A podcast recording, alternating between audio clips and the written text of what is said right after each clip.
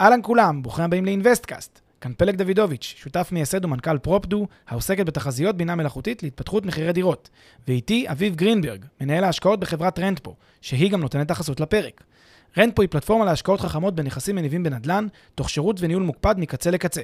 היכנסו ל-rentpo.com, חפשו השקעה שמעניינת אתכם, ותאמו איתנו פגישה דיגיטלית. בנוסף, נזמין אתכם להצטרף לקהילת המאזינים של אינוויסטקאסט בפייסבוק. ועכשיו לפרק חדש של אינוויסטקאסט.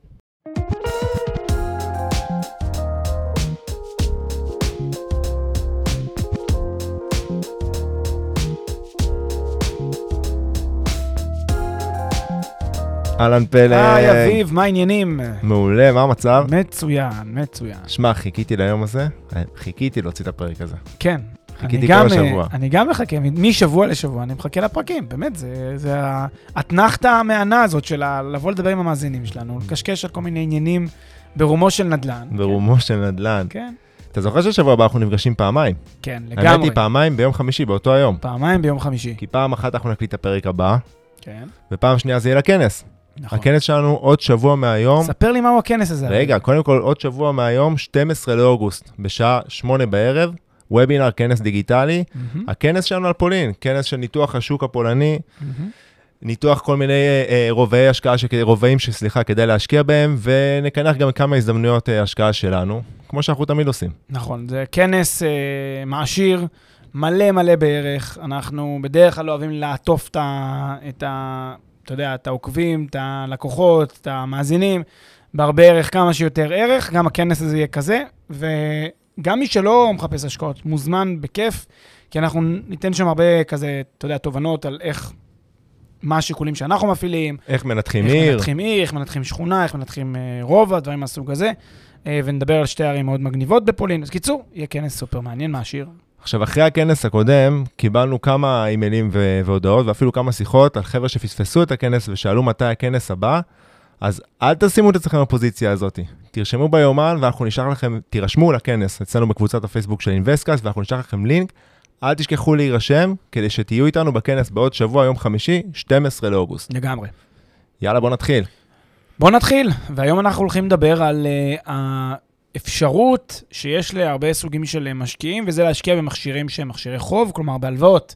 במקום להשקיע במניות של חברה, או במקום להיות משקיע שותף באיזה מיזם, מה שנקרא שותף באקוויטי של מיזם, מציעים להם להשקיע במכשירי חוב, כלומר לתת הלוואה למיזם. אנחנו אה, נקלף את הדבר הזה, ננתח אותו, נסביר את כל ההשלכות בצד הכלכלי, בצד המסחרי, בצד המיסויי, יש פה הרבה השלכות מס, בצד העסקי, בצד היזמי, בצד המשפטי קצת. ניגע פה בהרבה דברים, ונראה לי שיהיה פרק מאוד אה, חשוב. וכדי לעשות את זה, לדעתי, כמה שיותר ברור, אנחנו נעשה, נעשה את זה למול השקעה רגילה בחברה, השקעת חוב. נכון. השקעת הון. השקעת הון, סליחה, בחברה, נכון. נכון, השקעת חוב זה. יאללה, אז בוא, בוא נתחיל, נתחיל ממה, מההבדלים? רק כן, אולי נגיד רק שנייה, ב- ב- נתן את הקונספט לפרק. בעצם מה שאנחנו מדברים עכשיו בסיטואציה הבאה, נניח שיש איזשהו בניין במיאמי, בסדר? ואת הבניין הזה אנחנו עכשיו קונים, קבוצת משקיעים שרוצה להשקיע בבניין, ואנחנו רוצים לקנות את הבניין, לשים שם 10 מיליון דולר, ועוד אה, נניח 3 מיליון דולר עלויות של שיפוץ והסבה, ואנחנו רוצים לעשות שם חיילים משותפים ושיהיה ממש כיף שם וכולי וכולי, והכל open space ולפתוח, אז עוד 3 מיליון דולר שיפוץ. ולטובת העניין הזה אנחנו רוצים לגייס מקבוצת המשקיעים שלנו, לגייס את אותם 13 מיליון שקל שישמשו לטובת רכישת הבניין והשיפוץ. ועכשיו אנחנו רוצים להחליט האם אנחנו אה, נכנסים להשקעה הזאת בדר... באמצעות השקעה פיזית בחברה ולקבל מניות בחברה, לקבל ממש שותפות בחברה, או להשקיע באמצעות הלוואה לחברה, או גם וגם, או שחלק יהיו ככה וחלק יהיו ככה. כלומר, איזה צורה כדאי לנו, ויותר נכון, באיזה צורה כדאי לנו, לנו כמשקיעים שמציעים לנו להיכנס להשקעה הזאת, מה כדאי לנו? אם כדאי לנו להיכנס בכובע של משקיע שהוא שותף, או משקיע שהוא מלווה.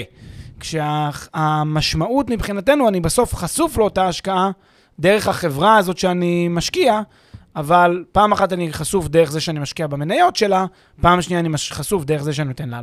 כן, זה הרעיון של הפרק. הדוגמה הזאת הייתה דוגמה להשקעה נדל"נית, כי אנחנו באופן טבעי תמיד הולכים לכיוון הזה, אבל בוודאי. זה מן הסתם נכון כל אה, לכל סוג... אה, פרויקט, כל חברה חברה. וכל השקעה. נכון. יאללה, אז בוא, בוא נתחיל אה, ככה לדבר קצת על ההבדלים. נתחיל מאולי מה שהכי מתבקש. כן. תשואה? תשואה, התשואה בדרך כלל של, בעסקאות מהסוג הזה, אנחנו מדברים פה על, על, על ה-upside וה-downside, כן? יכול להיות פה שתי האפשרויות. כאשר אני משקיע במניות של חברה, כשאני שותף בחברה, אני שותף ל-upside, אני גם שותף ל-downside. בסדר? כי אני, אם החברה הזאת מצליחה, אם הכל הולך כמו שצריך, אני מקבל את הרווחים, סופר את הקש, סופר את הירוק, מבסוט. כולם, אה, אתה יודע, הבניין במיאמי, מוכרים אותו אחרי שנה ב-20 מיליון, כולנו סופרים את הכסף, כולנו עשינו את הקופה. זה מצב שבו אני השקעתי במניות החברה וכשהיה אפסייד. על מה קורה כשיש downside, אז אני, החלק שלי נחתך, בדרך כלל הבעל המניות, כן, השותף ברווחים, שהוא בעל מניות, בדרך כלל לא סופרים אותו, הוא אחרון אחרי הרבה מאוד מאוד גופים, ספקים, בנקים, נותני אשראי, מלווים, הוא אחרון. הוא אחרון, זה נקרא אחרון בסדר הנשייה. זאת אומרת, הוא אחרון כי תופסים אותו כבעל המניות, זה שלקח את הסיכון, אז ב upside הוא נהנה לבד, ב downside הוא סובל לבד.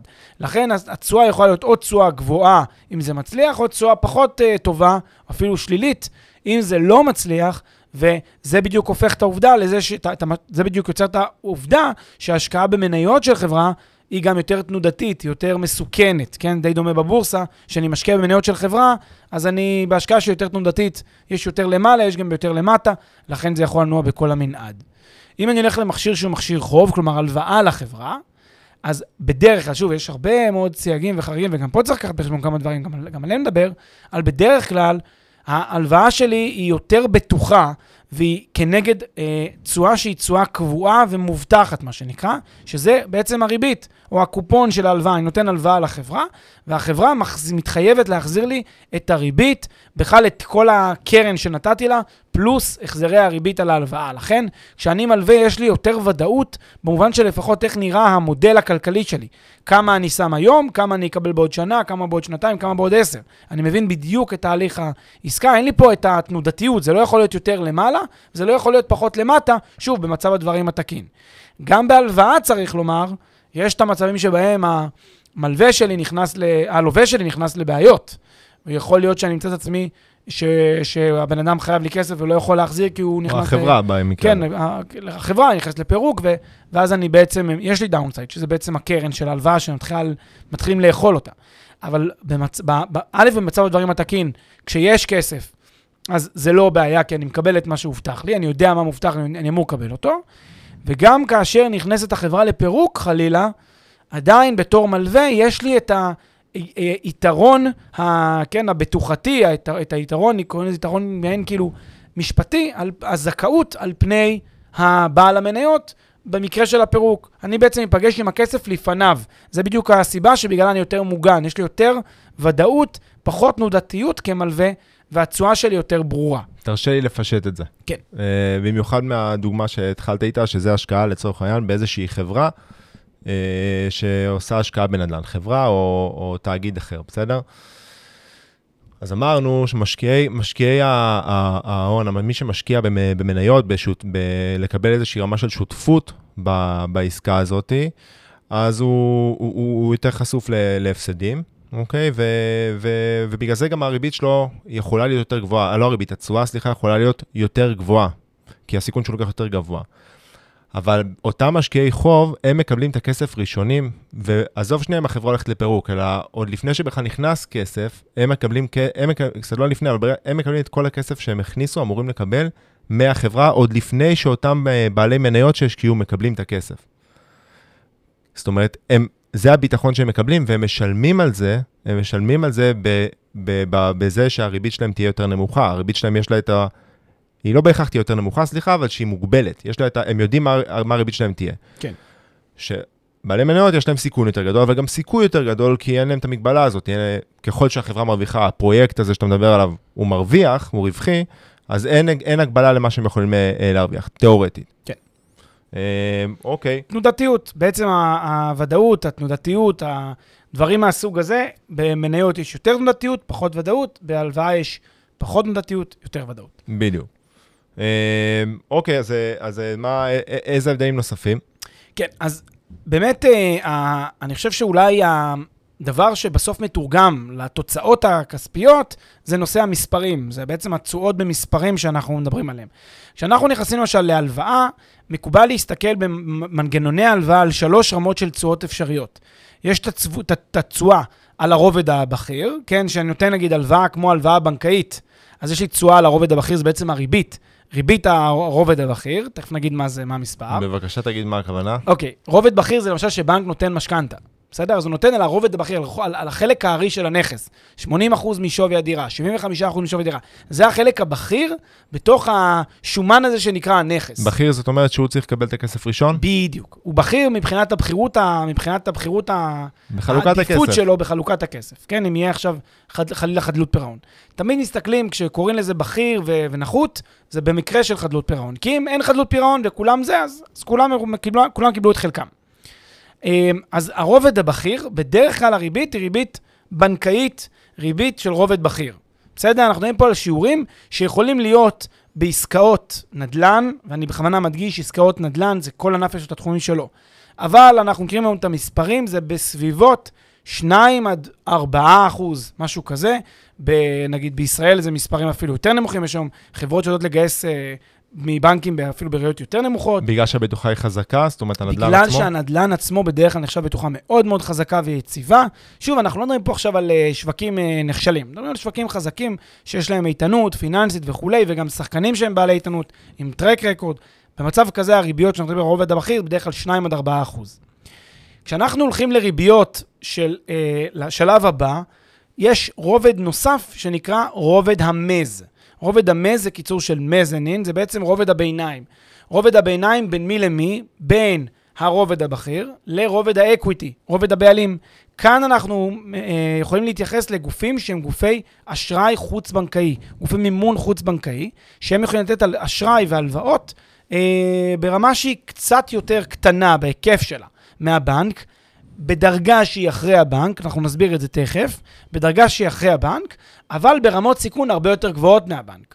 כי הם נותנים בעצם, אחרי שהבנק קיבל את חלקו, שזה כולל את הקרן והריבית, אם יישאר משהו, זה הולך אל, אל הרובד הבא, אל רובד המז. וזה מה שרלוונטי לכם אם אתם בוחנים אה, השקעת חוב ב, אה, באיזושהי עסקת נדל"ן, אז תקשיבו טוב. ובגלל הסיכון שאתה אומר שפה יותר גבוה, משהו שצריך לקחת בחשבון, וגם כמובן צריך להבין איזה בטוחה אני כרגע משקיע, כן. פה הריבית היא תהיה יותר גבוהה ממה שהתשואה שאני כמלווה אקבל, היא יותר גבוהה ממה שהבנק מקבל, כי אין לי את הבטוחה שיש לבנק. נכון. אני נושא בסיכון יותר גבוה. נכון. אז באמת פה... אפשר לומר שהריביות יכולות להיות אפילו פי 4, פי 5 יותר גדולות, שיעורי הריבית, מאשר ברובד, מהרובד הבכיר. זאת אומרת, אם אנחנו מדברים ב, ברובד בכיר של 2 עד 4 אחוז, אנחנו יכולים לדבר פה בסביבות 10, 15, 20 אחוז ריבית, כן, ברובד המז. לא, אה, זה לא unheard of לראות שיש פה יזם שלוקח הלוואה מהבנק, נניח ב-3% על 80% מהסכום, מוסיף עוד 10% בהלוואה מגורם חוץ-בנקאי, עוד 10% מעלות הנכס והשיפוץ, נניח, הוא לוקח מגורם חוץ-בנקאי, ואתם תראו שהריבית שלו 13% יכול להיות, או 15% יכול להיות, ריבית לגורמי המז. זה מאוד מאוד מקובל. אה, ובסוף יש את ה-10%, שזה הרובד השלישי, זה נקרא רובד האקוויטי, רובד הבעלים. עכשיו, הדבר היפה זה שגם ברובד הבעלים אפשר לקחת חוב. אפשר גם ברובד הבעלים לא, לקח, לא להשקיע הון באמצעות מניות, אפשר להשקיע את זה באמצעות חוב. עכשיו, אם תחשבו מה שיעור התשואה, מה שיעור הריבית ברובד המז, ברובד המז, תחשבו מה צריך להיות אה, שיעור הריבית ברובד הרובד ההון. זה ריביות מטורפות. רגע, רגע. כן. מה, איך אני יכול להיות גם בעלים של חברה וגם הלוואת בעלים כזו? כן, לא, לא הלוואת בעלים, אני, אני אתן, זה הלוואת בעלים בהנחה שהבעלים בעצמו הוא גם זה שמלווה ל, ל, לחברה. בוא נעשה את זה פשוט משהו דוגמה, כמשקיע בין... נגיד יש, נגיד יש נכס של, של 10 מיליון דולר, בסדר? אותו בניין במיאמי. עזוב עלויות שיפוץ. אז אני קונה את הנכס. הלכתי לבנק, הוא נתן לי 8 מיליון דולר בהלוואה רגילה, חוב, אה, חוב בכיר. נתן לי 3.5% ריבית, בסדר? משכנתה, יש לו בטוחה את הנכס עצמו. משכנתה ויש לו את הנכס בטוחה, נכון.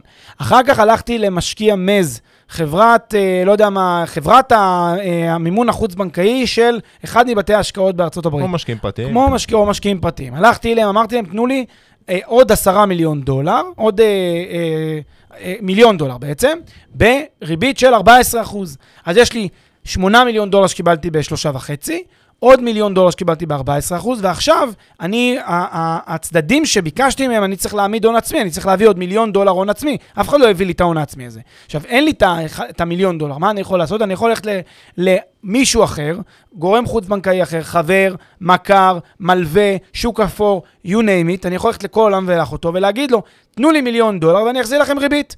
מה יהיה הריבית? אם בן אדם יודע למה אני משתמש בריבית הזאת, הריבית, שהוא, הסכום שהוא צריך לגבות ממני, כמו המזנן. או-הו, הרבה יותר מהמזנין. כי המזנין הוא בדרגה שנייה, הוא אחרי הבנק והוא בדרגה שנייה. פה זה ברובד ה equity, פה זה ברמת הבעלים, נכון. זאת אומרת, זה ברובד השלישי. אז מה הריבית פה? תחשבו, פי, לא יודע מה, פי שתיים, פי שלוש על רובד, ה, על רובד ה mezz ברמות הסיכון אולי. כי הוא מלווה לי כדי לרכוש את את השותפ- את החלק שלי, את הבעלות שלי בחברה, הוא לכאורה, מלווה לי בפרויקט הזה. על, על, על רובד ה equity, זה נקרא כן. equity financing. מימון ל- לרובד ה equity, זה יכול להיות ריביות של 25-30 אחוז, יכול להיות, זה לא מאוד שכיח, כן? זה לא מאוד שכיח שאנשים עושים את זה, אבל לפעמים, ודווקא כאן אנחנו מוצאים הרבה מאוד אנשים שנכנסים להשקעות בכל מיני קרנות ברחבי העולם, דווקא פה הם לא מבינים שנכנסים ברובד ה equity. נותנים הלוואה ברובד ה equity, ובאיזה ריבית נותנים? באיזה ריבית? 7 אחוז, 8 אחוז, לא, כן. הם לא מבינים שהם... ה-8% זה נחמד, כאילו שזה מה שכתוב. רמות הסיכון שלהם מגלמות ריביות של 25%. לכן צריך להבין, פה אתה בדרגה שלישית בריבוד הזה, ולכן התשואה צריכה להיות פה, יודע מה, 25-30, אולי אפילו יותר, אחוז, שזה ריבית שמגלמת את רמות הסיכון שיש כאן. אז רק כדי לסכם את הנקודה, יש זהו, לנו... כי זה דגש סופר חשוב. רק כדי לס... אנחנו, אני עוד אחר כך, אנחנו ניכנס יותר טיפ לעומק על המזנין, הלוואות למזנין והלוואות לאקוויטי, ונסביר גם את ההבדל ביחס להשקעה. כי שוב, הפרק הוא גם על, על, על זה מול הון. נראה גם מה ההבדל בהשקעות מול הון. אבל כעיקרון, אם אני נכנס להלוואת מז, אני צריך לצפות לשיעורי ריבית של 12, 14, 17 אחוז בהלוואת המז, זה מה שמקובל פשוט. אם אני נכנס להלוואת equity financing, כלומר ברמת, ברמה השלישית, ברובד השלישי, רובד הבעלים, זה שיעורי ריבית מאוד מאוד גבוהים, וזה צריך באמת לבדוק את זה כבר פרטנית. אה, מה שבטוח הוא שאם אם זה ברובד הבכיר, אז שיעורי הריבית הן באמת כבר הרבה יותר סולידיות, הרבה יותר נמוכות. זאת אומרת, אני, אני חייב להדגיש את זה, ואני אני לא... זה לא עכשיו איזשהו uh, one rule fits all, ואני ממש לא מכליל uh, uh, את כל העסקאות, אבל כשאתם uh, עכשיו בוחנים איזושהי עסקה שבה אומרים לכם שאתם uh, uh, תהיו משקיעי חוב באיזשהו פרויקט נדל"ני, אתם חייבים, ולא יודע, ואתם מקבלים ריבית, לצורך העניין סתם אני זורק, של 7-8 אחוז, אתם חייבים לנסות להבין באיזה רובד אתם, ואתם חייבים לנסות להבין האם אתם בעצם מלווים להם כסף, מלווים לאותו גוף שפונה לכם כסף כדי שהוא אה, אה, אה, ירכוש את החלק שלו ביזמות של אותו הפרויקט, אם כן, אז הריבית, אתם בעצם נותנים הלוואה שמגלמת סיכון של ריבית של אזור ה-20 ומשהו, 30 אחוז, ולכן הריבית של ה-7-8 אחוז שאתם מקבלים היא, היא, היא מסוכנת, צריך נכון. להגיד את זה. נכון מאוד. אז רק, זה מה שצריך לבחון טוב כי טוב. היא לא לפני שאתם- מגלמת את רמות הסיכון, כי תמיד תשואה נבחנת בהתאם לרמות הסיכון ש... בדיוק. שקשורות ל- לעסקה. אוקיי, אז זה היה בצד של ההלוואות. מה קורה בצד של equity? אז כאן, באמת, התשובה היא שאין תשובה חד משמעית למה התשואה, כי התשואה נגזרת בעצם מה-X-IRR של, מה-Equity IRR של המודל. מאוד משנה אה, בהקשר של חישוב תשואת ה... התשואה ההונית שלי בעסקה. חשוב לדעת מה, מה הפרויקט, מה, מה הרכיבים שלו, ממה הוא מורכב, מה עם השלביות שלו, מה, כן, מתי אני משקיע, מה, איזה היקפי השקעה. כאילו, מאוד חשוב להבין את כל התהליך של ההשקעה במובן הרחב, לבנות מודל עסקי, לבנות מודל IRR, לבדוק מה ה-IRR של הפרויקט כולו, מה ה-IRR של ה equity, אחרי החזרים לחובות ודברים לצדדים שלישיים וכולי. ואז להגיד מה התשואה שבעצם הפרויקט הזה מגלם. לכן במק... במקרה של... מה שאני רוצה להגיד פה, שזה מקרה של חוב, יש לנו דרך לדעת מה סביר, מה לא סביר, מה מקובל, מה לא מקובל. יש טווחים, יותר הגיוני, יותר מקובל. בעולם של equity, אין, זה כבר לא ממש, אה, זה, זה, זה יכול להיות הרבה אפשרויות. כי אין, שום, שהפרויקט כי אין יותר הגבלה. נכון, ככל שהפרויקט יותר עתיר בסיכון, אנחנו נצפה ל-IRRים גבוהים יותר, כן, יכולים להיות 15-20 אחוז IRR, יכול להיות גם יותר כמובן. ככל שהפרויקט פחות מסוכן, יותר סולידי, אנחנו יכולים לצפות ל-IRR שהוא יותר נמוך, אפילו IRRים של 5 אחוז, גם זה אה, IRR שאפשר לצפות בפרויקט. וכמו כל פעם שאנחנו אומרים את המונח IRR, אני אזכיר שאם uh, המונח הזה זר לכם, אז אני מזמין אתכם להאזין לפרק uh, 120 שעשינו, התשואה היא המלך, שם פירקנו את המונח הזה והסברנו בדיוק מה המשמעות שלו ולמה אנחנו בטוחים שזו הדרך הנכונה לחשב תשואה. לגמרי. בואו נמשיך. אוקיי, אז, אז בעצם דיברנו על המספרים. אז אמרנו שהתשואות בהלוואה יותר מוגדרות, יותר ברורות, והתשואות בהשקעת אקוויטי יותר uh, דינמיות, יכולות להיות uh, בעצם uh, כמה, כמה אפשרויות. בואו נדבר עכשיו על, על בעצם איך זה עובד, איך עובדת העסקה מבחינה, מבחינה כלכלית. עסקת הלוואה היא עסקה פיננסית. זאת אומרת, אני מלווה כסף לחברה. החברה צריכה להביא לי, כשאני מלווה לה את הכסף, היא צריכה להציג לי מה שנקרא לוח סילוקין. לוח סילוקין זה בעצם איזושהי טבלה שמראה מעין ציר זמן, שמראה, תשמע, בתאריך הזה והזה קיבלתי ממך כסף. בתאריך הזה והזה אני מחזירה לך 20% מהסכום. או 30% מהסכום, או 0% מהסכום. יכול להיות שאני מחזיר לך הכל בסוף, וזאת הלוואה, מה שנקרא בלון. כן. יכול להיות שזאת הלוואה ששפיצר, אני מחזירה לך תשלום קבוע. יכול להיות הלוואה שאני מחזירה לך רק את הריבית. יכול להיות הלוואה שאני מחזירה לך כקרן שנבדית לשיעורין. כלומר, יש כל מיני צורות שאפשר להחזיר לי את הלוואת ה, אה, את ההלוואה שנתתי. מה שבטוח זה שכל הצורות האלה והאופן שבו החברה מחליטה להחזיר לי, נקבע מראש בלוח הסילוקין של ההלוואה. למה חשוב מראש ולא בדיעבד? זה ברור, אני חושב, כן? כי אתם צריכים להבין שאתם עושים עסקה, אוקיי, מה תנאי העסקה? מתי אני אראה כסף? מה החלקים? איך אני מפחית סיכונים וכולי. כמובן שמבחינתכם, התשואה נגזרת, הריבית נגזרת, לא מאיזושהי ריבית רעיונית, שאומרים, תעשה חישוב כללי כזה פשוט, תכפול את הסכום שקיבלת בסוף, פחות הקרן שלך. זה לא עובד ככה. במימון כמו מימון, הריבית מוכתבת לפי לוח הסילוקין. עושים מודל של לוח סילוקין, בודקים מה הריבית שיצאה, מה הריבית האפקטיבית, זה נקרא התשואה האפקטיבית של ההלוואה, או הריבית האפקטיבית של ההלוואה, ומקבלים את בעצם ריבית ההלוואה ואת התשואה שלי על אותה השקעה שנתתי, אותה עסקת הלוואה. בצד, זה בצד של הלוואה, יש גם, לוח סילוקין שהוא ברור, כן. זה גם סופר חשוב, כי אמרנו שאחד היתרונות המרכזיים של הלוואה זה, זה הוודאות. זה, זה עצם זה שאתה יודע מתי תקבל את הכסף שלך וכמה תקבל. כן. זה מה שיש לך, ולא למשקיע, למשקיע הון, לא למי שיש לו, קנה שותפות באותו תאגיד. בדיוק. גם בשותפויות וגם בהשקעות הון, כאילו, זה, זה מתחבר למה שאתה אומר, אבל גם בהשקעות הון, וכאן הנקודה הנוספת, יש לפעמים מודל שאפשר לספק לי, שאפשר להגיד מה התחזית לצפי התקבולים. כלומר, תחזית. נכון. כאן ההבדל הגדול, בהלוואה יש לוח סילוקין, חובה לעמוד בו. אם לא עומדים בו, נכנסים לריביות פיגורים. פירעון, לפירעון מוקדם, לבעיות של אה, מימושים, לבעיות של אה, כינוסים, פירוקים, בעיות משפטיות. לכן לוח סילוקין הוא מסמך הרבה הרבה יותר מחייב מאשר המודל העסקי שמציג לי היזם בעסקת הון. בעסקת הלוואה יש לי משהו ודאי יותר, בעסקת הון יש לי משהו יותר גמיש. עד כמה הוא גמיש? זה כבר תלוי בכמה הבן אדם שמולי אמין, ישר, יש לו מוניטין טוב וכולי וכולי. אז בנושא של ההון אני יותר, יכול להיות יותר רגוע. אבל אף פעם אין לי ביטחון כמו שיש לי בהלוואה. שוב, גם בהלוואה יכולות להיות crisis, אבל באופן, במצב הדברים הטבעי, בהלוואה אני יודע בדיוק מתי אני אמור לקבל את הכסף לפי כל פעימה, כי הריבית נגזרת בדיוק מהמועד שבו זה שולם. בעסקת הון, בעסקת בעצם equity, אני לא יכול לדעת בדיוק מתי זה יקרה. יש איזה שהן הערכות כלליות, תוך שלוש שנים, תוך ככה, אם נספיק את זה, אם נקבל את ההיתר, אם נקבל את הפה, אם נקבל את השם, זה יותר גמיש. זה בעצם ההבדל, אה, גם בצד של צורת המימון ואופן ההלוואה. כולנו חווינו את זה, גם מי שלא השקיע כמשקיע חוב, מהצד השני, זאת אומרת, כשאתם הרי לקחתם, מי שלקח משכנתה, הרי ברור שהוא קיבל לוח סילוקין מהבנק שהוא מחויב, שהוא, אתה, מי שלקח את המשכנתה מחויב לעמוד בו, או כל הלוואה אחרת שלקחנו כצורכים פרטיים. אין, כן, אין פה שאלות בכלל. בדיוק. לוקחים לך מהחשבון. בדיוק, אז זה מה שאתם מקבלים גם כמשקיעים, כמלווים, סליחה, רק בלי הבטוחות החזקות שיש לבנק, כנראה, נכון, תלוי בפרויקט. בלי הבטוחה.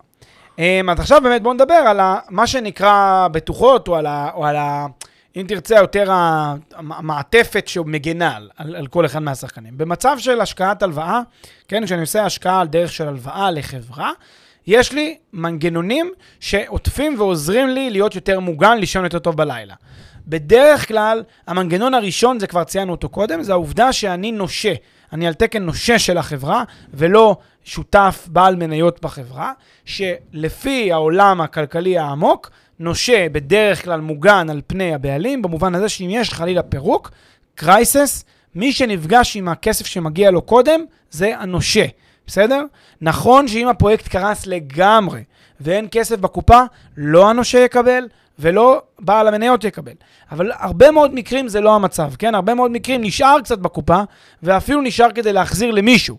אם נשאר להחזיר למישהו, יחזירו קודם כל לנושה, למלווה, ורק אחר כך יחזירו לבעל המניות. נכון, ורק, כמו שאמרנו מקודם, שימו לב שאם בפרויקט הזה, או במה, או למי, לגוף שאתם מלווים אליו, אה, יש בעצם כמה רמות של נושים, תנסו להבין איפה אתם בסדר הזה. האם אתם ברמה של החוב הבכיר שאמרנו, עם בטוחה חזקה, ואז אתם כנראה תקבלו ראשונים, את ה, או בין הראשונים את הכסף, או האם אתם במישור של המזנין. יפה, אז עכשיו אתה בדיוק לוקח אותנו למקום של הבטוחה, של, של, של המשכנתה, של הביטחונות, השיעבודים שיש על, ה, על, ה, על הנכסים של, ה, של החברה.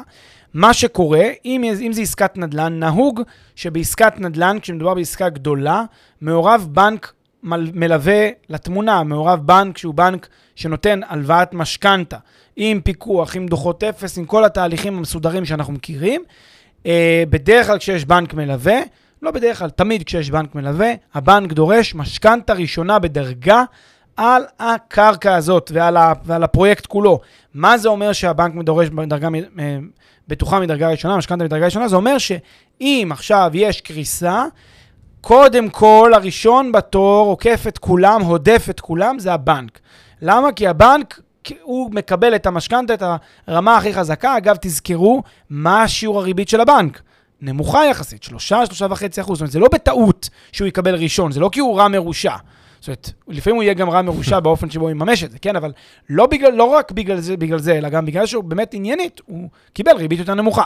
זאת אומרת, הוא סיכן פחות, לכן הוא תכלס צריך להיות יותר מוגן. זה, זה באמת יותר הגיוני גם בגלל הריביות שהוא מקבל.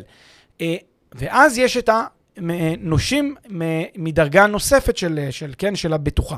בטוחות מדרגה נוספת, דרגה שנייה, יכול להיות גם דרגה שלישית.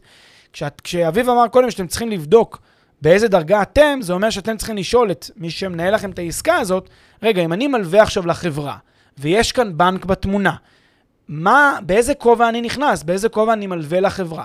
האם בכובע של מלווה מז, כשאז אני אמור לצפות למשכנתה מדרגה, תשלימו אותי שנייה, כי זה רובד הביניים, בין הבעלים לבין הרובד הבכיר, נכון? או שאני נותן משכנתה מדרגה שלישית, כן? שאני בעצם אחרי המז, שיש גם עוד מלווה בתמונה לפניי. עכשיו צריך להבין, מה זה אומר לפניי? בואו נעשה דוגמה. אם עכשיו נכנסתי לעסקה, שוב, עשרה מיליון דולר, בסדר? ואני הלוויתי מיליון דולר, אבל זה המיליון האחרונים למעלה. מחר הפרויקט הזה, יש שם ירידת מחירים מסיבה לא ברורה, בסדר? והעשרה מיליון דולר ירדו ל-8 מיליון 400. אז קודם כל את ה-8 מיליון יחזירו לבנק, שנתן 8 מיליון, חוב בכיר. את ה-400 אלף הנותרים שיש, ייתנו למז, מתוך המיליון שמגיע לו, כי הוא מגיע לו מיליון. ומה עם המיליון של הרובד ה-equity financing? לא יקבל כלום. כלומר, מספיק שהייתה ירידה מ-10 מיליון ל-8,400 כדי שאני כמלווה ה-equity לא אקבל כלום. כמובן שמלווה ה mezz גם דואג, כי הוא אומר, מספיק שתהיה ירידה בין 10 ל-9, כדי שאני כבר יתחילו לנגוס לי בחתיכות, אתם מבינים? כי אני בעצם נגסו לי, הורידו את המיליון הראשון על חשבון ה equity, מלווה ה equity, ואז מתחילים לנגוס לי, לנגוס לי בעוגה. לכן גם מלווה המז לא רגוע. מי הכי רגוע? כמובן הבנק. הבנק, אבל בסדר, והוא משלם על זה בתשואה, הריבית שמשלמים לו, תשואה יותר נמוכה. תשואה יותר נמוכה, אבל באמת מה שאביב אמר קודם, זאת הנקודה. אתם צריכים לשאול באיזה רובד אתם, ואז לקלקל את צעדיכם בהתאם. אם אתם ברובד השלישי בדרגתו, זה אומר שכל תזוזה, כל תזוזה, ליטרלי, כל תזוזה בשווי של הנכס, משפיעה עליכם בצורה מאוד מאוד חזקה. ממש ממש עוצמתית.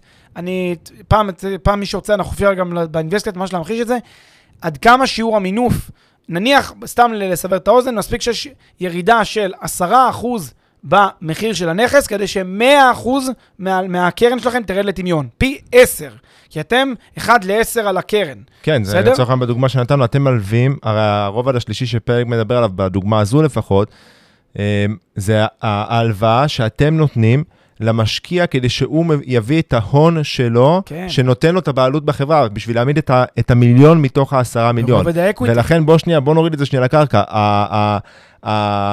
הירידה אה, בערך של עשרה אחוז זה ירידה של מיליון. נכון, של כל המאה. והוא הראשון, הראשון שנפגע מזה, כי לכולם יש הגנות. זה אומר נכון. שיש לו אפס להחזיר לכם עכשיו. זה אומר שכל ההלוואה שלכם לדעת מיליון במקרה הזה. ולכן, לכן אנחנו אומרים שאם אתם, אם אתם מבינים שאתם למעשה מלווים לגוף, אה, במטרה שהוא יעמיד את ההון העצמי שלו, אה, ולכן זה צריך לגלם את הריביות האלו שאנחנו יודעים שהן פי 2, פי 3 מהמזנין.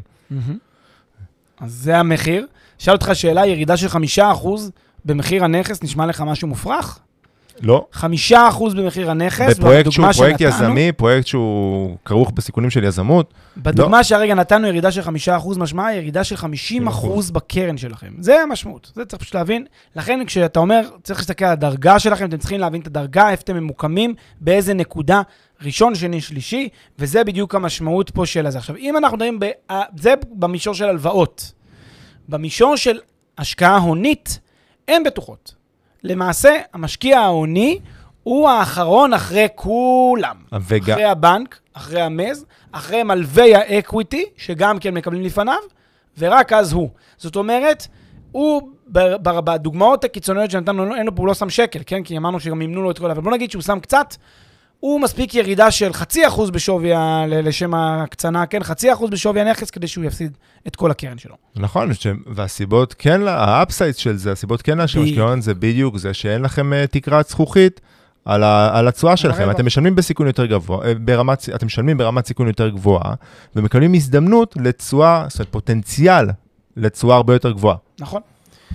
אה, זה באמת הנקודה הזאת. אולי גם נגיד כמה מילים לגבי עניין המיסוי, שמאוד מאוד חשוב בהבחנה בין אה, השקעה בהון לבין איך השקעה הוא בחו"ל. אוהב לבאס, איך תמיד אתה מכניס את זה. אדרבה, דווקא יש, אה, חצי. יש, יש, יש, יש בשורות טובות, יש בשורות פחות טובות. תראו, בדרך כלל, ושוב, אין פה אה, תחליף לייעוץ מס וכל הדיסקליימרים הנדרשים. בדרך כלל, אה, בהרבה מקרים, עדיף לבצע השקעות אה, באמצעות, אה, אלא אם כן זה תאגידים שקופים, ואני לא רוצה להיכנס לזה עכשיו, אבל ברמת העיקרון, כל זמן שזה הלוואה פרויקטלית לתאגיד שהוא חברה, בדרך כלל אה, עדיף לעשות את זה על דרך של הלוואה.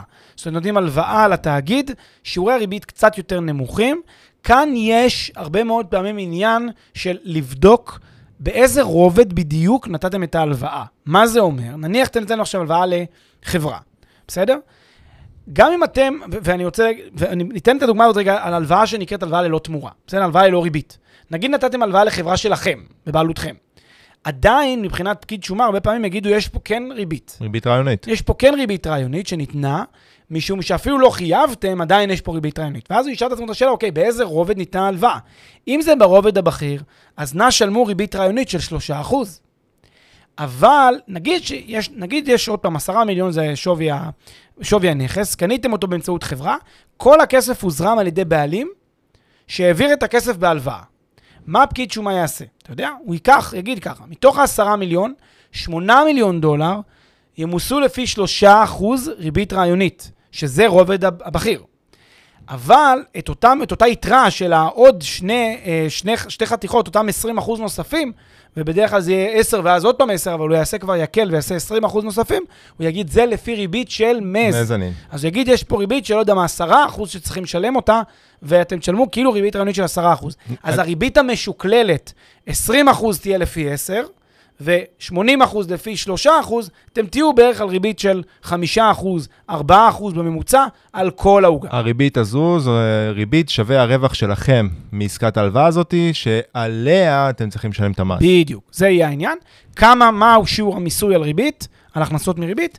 שוב, באופן כללי, 25 אחוז, אה, זה שיעור המס על הכנסת ריבית. אה. יש כל מיני תנאים, כל מיני דרישות, יש קצת פחות, יש קצת יותר בכל מיני מצבים, אבל זה פחות או יותר המספרים. אה, בעולם של השקעות מסוג השקעות הון, הצורה היא צורה שונה. יש חלוקת רווחים. אגב, בחלק של הריבית, על החזר קרן ההלוואה, שימו לב, בשונה מהריבית, קרן ההלוואה, כשמחזירים אותה, אז בדרך כלל לא ממוסים על החזר קרן ההלוואה. כי זה לא הרווח. כי זה לא זה רווח, הקרן. נכון, זה רק הקרן. זה אבל שימו לב. מה ההבדל, שימו לב מה ההבדל. אם אני עכשיו משקיע בהון של חברה, והחברה מתחילה לחלק לי כסף, זה נקרא דיבידנדים. דיבידנד משלמים מס על הדיבידנד, כלומר גם על הקרן. כי אין את ההבדל הזה, כי אתם לא בעצם, אתם לא יכולים להגיד לפקיד שומה, אני מחזיר דיבידנד, אבל אני קודם כל מחזיר לעצמי את הקרן. זה לא עובד ככה. כי הוא יגיד לך שהקרן שלך תחזור אליך נכון, כשתמכור את המניות. אתה נכון, קנית פה נכס, בדיוק. וזה רווח הון. בדיוק. אז הוא יגיד לי, בסוף, יש לך יתרת מחירים מקורי יותר גבוהה, אתה, נפחית לך את הזה. נכון, תכף נגיד את זה, אבל רק חשוב להבין, התשלום השוטף בהלוואה אם הוא כולל רכיב קרן, אז רכיב החזרי הקרן לא ממוסים בדרך כלל. שוב, אני מאוד מאוד זהיר, מאוד מסייג. כל מקרה לגופו, אל תסתמכו על מה שאנחנו אומרים פה, אבל בדרך כלל, הקרן לא תהיה ממוסה, כי זה החזר קרן הלוואה. הריבית תהיה ממוסה, כמו שאמרנו קודם. ובהשקעה הונית, החזרים שוטפים מהנכס, בין אם זה קראתם לזה קרן, בין אם זה קראתם לזה הרווח, זה לא משנה, הדיבידנד ממוסים 25 או 30 אחוז כמס מיסוי על דיבידנד, כתלות במצבים שונים, ואחר כך יש רווחי הון במימוש של אותה מניה כשמוכרים אותה, וזה מס רווחי הון. אז עוד פעם, אותו תחשיב שעשינו קודם, כן. שזה כבר... שהמס רווחי הון הזה, זה בדיוק, זאת אומרת, זה בדיוק, כאן הקרן ששילמתם לא נחשבת. נכון, לוקחים את ה- ש... את הרווח, לוקחים את זה בדרך כלל, אה, לוקחים את מחיר המכירה, מחיר המימוש, פחות מה שנקרא יתרת המחיר המקורי, כלומר מפחיתים מזה את העלות שאתם השקעתם בנכס הזה, פחות פחת, פחות כל מיני דברים, ובסוף משלמים את המס על הרווח. זה בגדול הסיפור פה של, אה, של המיסוי, בהבחנה בין אה, הון לחוב, אז ככלל, שוב אני אגיד בצורה קצת יותר כזה כללית כמה שניתן, ככלל מעדיפים אה, ברוב המקרים לעשות, הלוואה, לעשות השקעה בדרך של הלוואה כשאפשר, אה, מבחינה מיסויית, וזה בגדול הרעיון, אלא אם כן מדובר על תאגידים שקופים, כשאז זה כבר דינים אחרים. כאילו, סת, סתם לדוגמה, אם אנחנו מדברים פה על אותה, על אה, פרויקטים, לצורך העניין, על אה, אה, אה, הלוואה שאנחנו נותנים אה, להשקעה בפרויקטים נדל"נים, אז ה- הדיבידנד שאתה מדבר עליו, זה יכול להגיע מהכנסות משכירות לצורך העניין.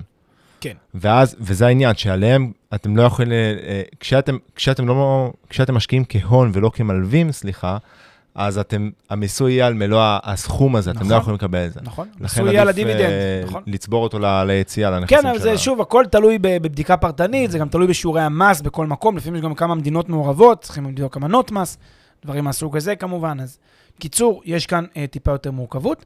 ואולי לפני סיום רק נזכיר שגם יש כל מיני מודלים שהם מודלים היברידיים.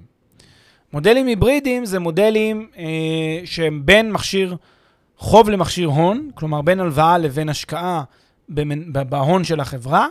אה, אני לא מדבר פה על אה, מה שנקרא מכשירים המירים, כלומר שאני יכול להפוך את ההלוואה להון, שגם זה אפשרי. אני מדבר יותר על מכשירים שבהם, כי הרי מה אמרנו שהיתרון הגדול של אה, הון על פני הלוואה? אין הגבלה לתשואה. אין הגבלה לתשואה למעלה, באפסייד, נכון? ומה היתרון של הלוואה על פני אה, השקעה? אה, השקעה הונית, שאני יותר מוגן, יש לי יותר ודאות. יותר. ודאות, ו- ותלוי באיזה מקרים, יותר ביטחון. יפה. אז בגלל זה יצרו מין מודל שהוא לא בינארי כזה, לא שחור או לבן, אלא יותר סקאלה, יותר באמצע, וזה המודלים ההיברידיים. זה מה שנקרא אה, הלוואות משתתפות, כן? אני נותן הלוואה, אבל היא גם משתתפת ברווחים. זאת אומרת, אני נותן לך הלוואה, אתה מחויב לתת לי, לא יודע מה, ריבית, נגיד 7 אחוז, בסדר? ריבית מז של 7 אחוז, שים לב, לא 10 אחוז כמו קודם, לא 12 אחוז כמו קודם, אתה, אני מפחית לך קצת... למרות שאני ברובד הזה. למרות שאתה ברובד המז, אני מפחית לך קצת בשיעור הריבית, בשוטף, אבל אתה גם משתתף איתי ברווחים, נניח בשיעור של 20-80, סתם דוגמה. בסדר? כי אתה בעצם נתת לי הלוואה, אז אני גם נותן לך, ב- ב- במילים אחרות, זה כאילו החלפתי חלק מהריבית בהשתתפות ברווחים. אתה ויתרת קצת על ריבית, ומשתתף איתי ברווחים. אבל שים לב, זה פשוט, קצת הפחתתי את הסיכון מעצמי, קצת הגדלתי את הסיכון שלך, כן? וגם... והגדלתי את הסוכריה נותן לך. והגדלתי את הסוכריה, בדיוק, זה מה שזה. זה מגניב לדעתי, זה כלי ש... זה כלי מצוין. שבדיוק בא לגשר פה על פער בין... פער גדול בין סוגי עסקאות. זה בדיוק העניין, כי תמיד בכלים המשפטיים האלה, הכלים האלה של הלוואה או חוב, אה, הלוואה או הון, תמיד זה נורא בינארי. כלומר, יש את המלווה ויש את המשקיע ויש כזה הפרדה מאוד גדולה. באמת המכשירים ההיברידיים האלה באים לתת את המענה של, מצד אחד אני רוצה נורא להגן על הבן אדם, שאני לא רוצה שהוא יהיה קלולס לגמרי, מצד שני אני כן רוצה שישתתף ברווחים ושיהיה לו עניין להצליח. לכן נהוג לעשות את ההלוואות המשתתפות האלה, וכך בעצם אה, לעשות קצת יותר טוב. מגניב. זאת אומרת שאני. אני כמלווה, ב, אני כמלווה ב, במודל הזה, אני אהיה, בסדר, אין, לי- אולי לא יהיה לי בטוחות, תלוי, ב, תלוי ב, ב, בפרויקט ספציפית, אבל אני אהיה קודם, אני אקבל נגיד לצורך העניין בדוגמה את ה-7% שלי לפני בעלי ההון, אני אני אהיה ראשון או שני אחרי המשקיעים, אבל אני אקבל את זה לפני, לפניהם, זה, זה נותן לי את הוודאות. וכל סכום אחרי שקיבלתי את ה-7% הזה, יתחלק בצורה מסוימת, כמו שאתה אומר, 20-80. לגמרי. אחלה דוגמה, אחלה דוגמה, והאמת היא שהדוגמה הזאת היא גם סיכמה, סיכמה בגדול את מה שדיברנו ואת, ה, ואת ההבדלים. אני חושב מטרה, אולי הדבר שהכי חשוב שאני הייתי לוקח מהפרק הזה, בתור מישהו שמתכוון להשקיע, זה להבין איפה אני נמצא. זאת אומרת, אם אני עכשיו בוחן איזושהי השקעה בצורה של הלוואה, מה שנקרא השקעת חוב, לחשוב כל הזמן בראש, רגע, באיזה רובד אני? איזה רובדים קיימים פה? ולפי זה להבין איזה בטוחה אני מקבל, והאם התשואה שמ- שמציעים לי, קודם כל, האם, אני, האם זה רמת הסיכון שאני מכוון להיכנס אליה בהשקעה שלי? והאם התשואה, הריבית שמבטיחים לי פה אה, לקבל, היא מגלמת את רמת הסיכון של הרובד שאני באמת נמצא בו. זה מה שאני הייתי לוקח. מסכים איתך בכל מילה, חותם על כל מילה. יאללה, סגור. מזכיר לכם, שנייה, לפני שאנחנו נפרדים, הכנס שלנו ביום חמישי הבא, 12 לאוגוסט, מחכים לראות אתכם, הרמנו לכם כנס מגניב, שעה שמונה בערב.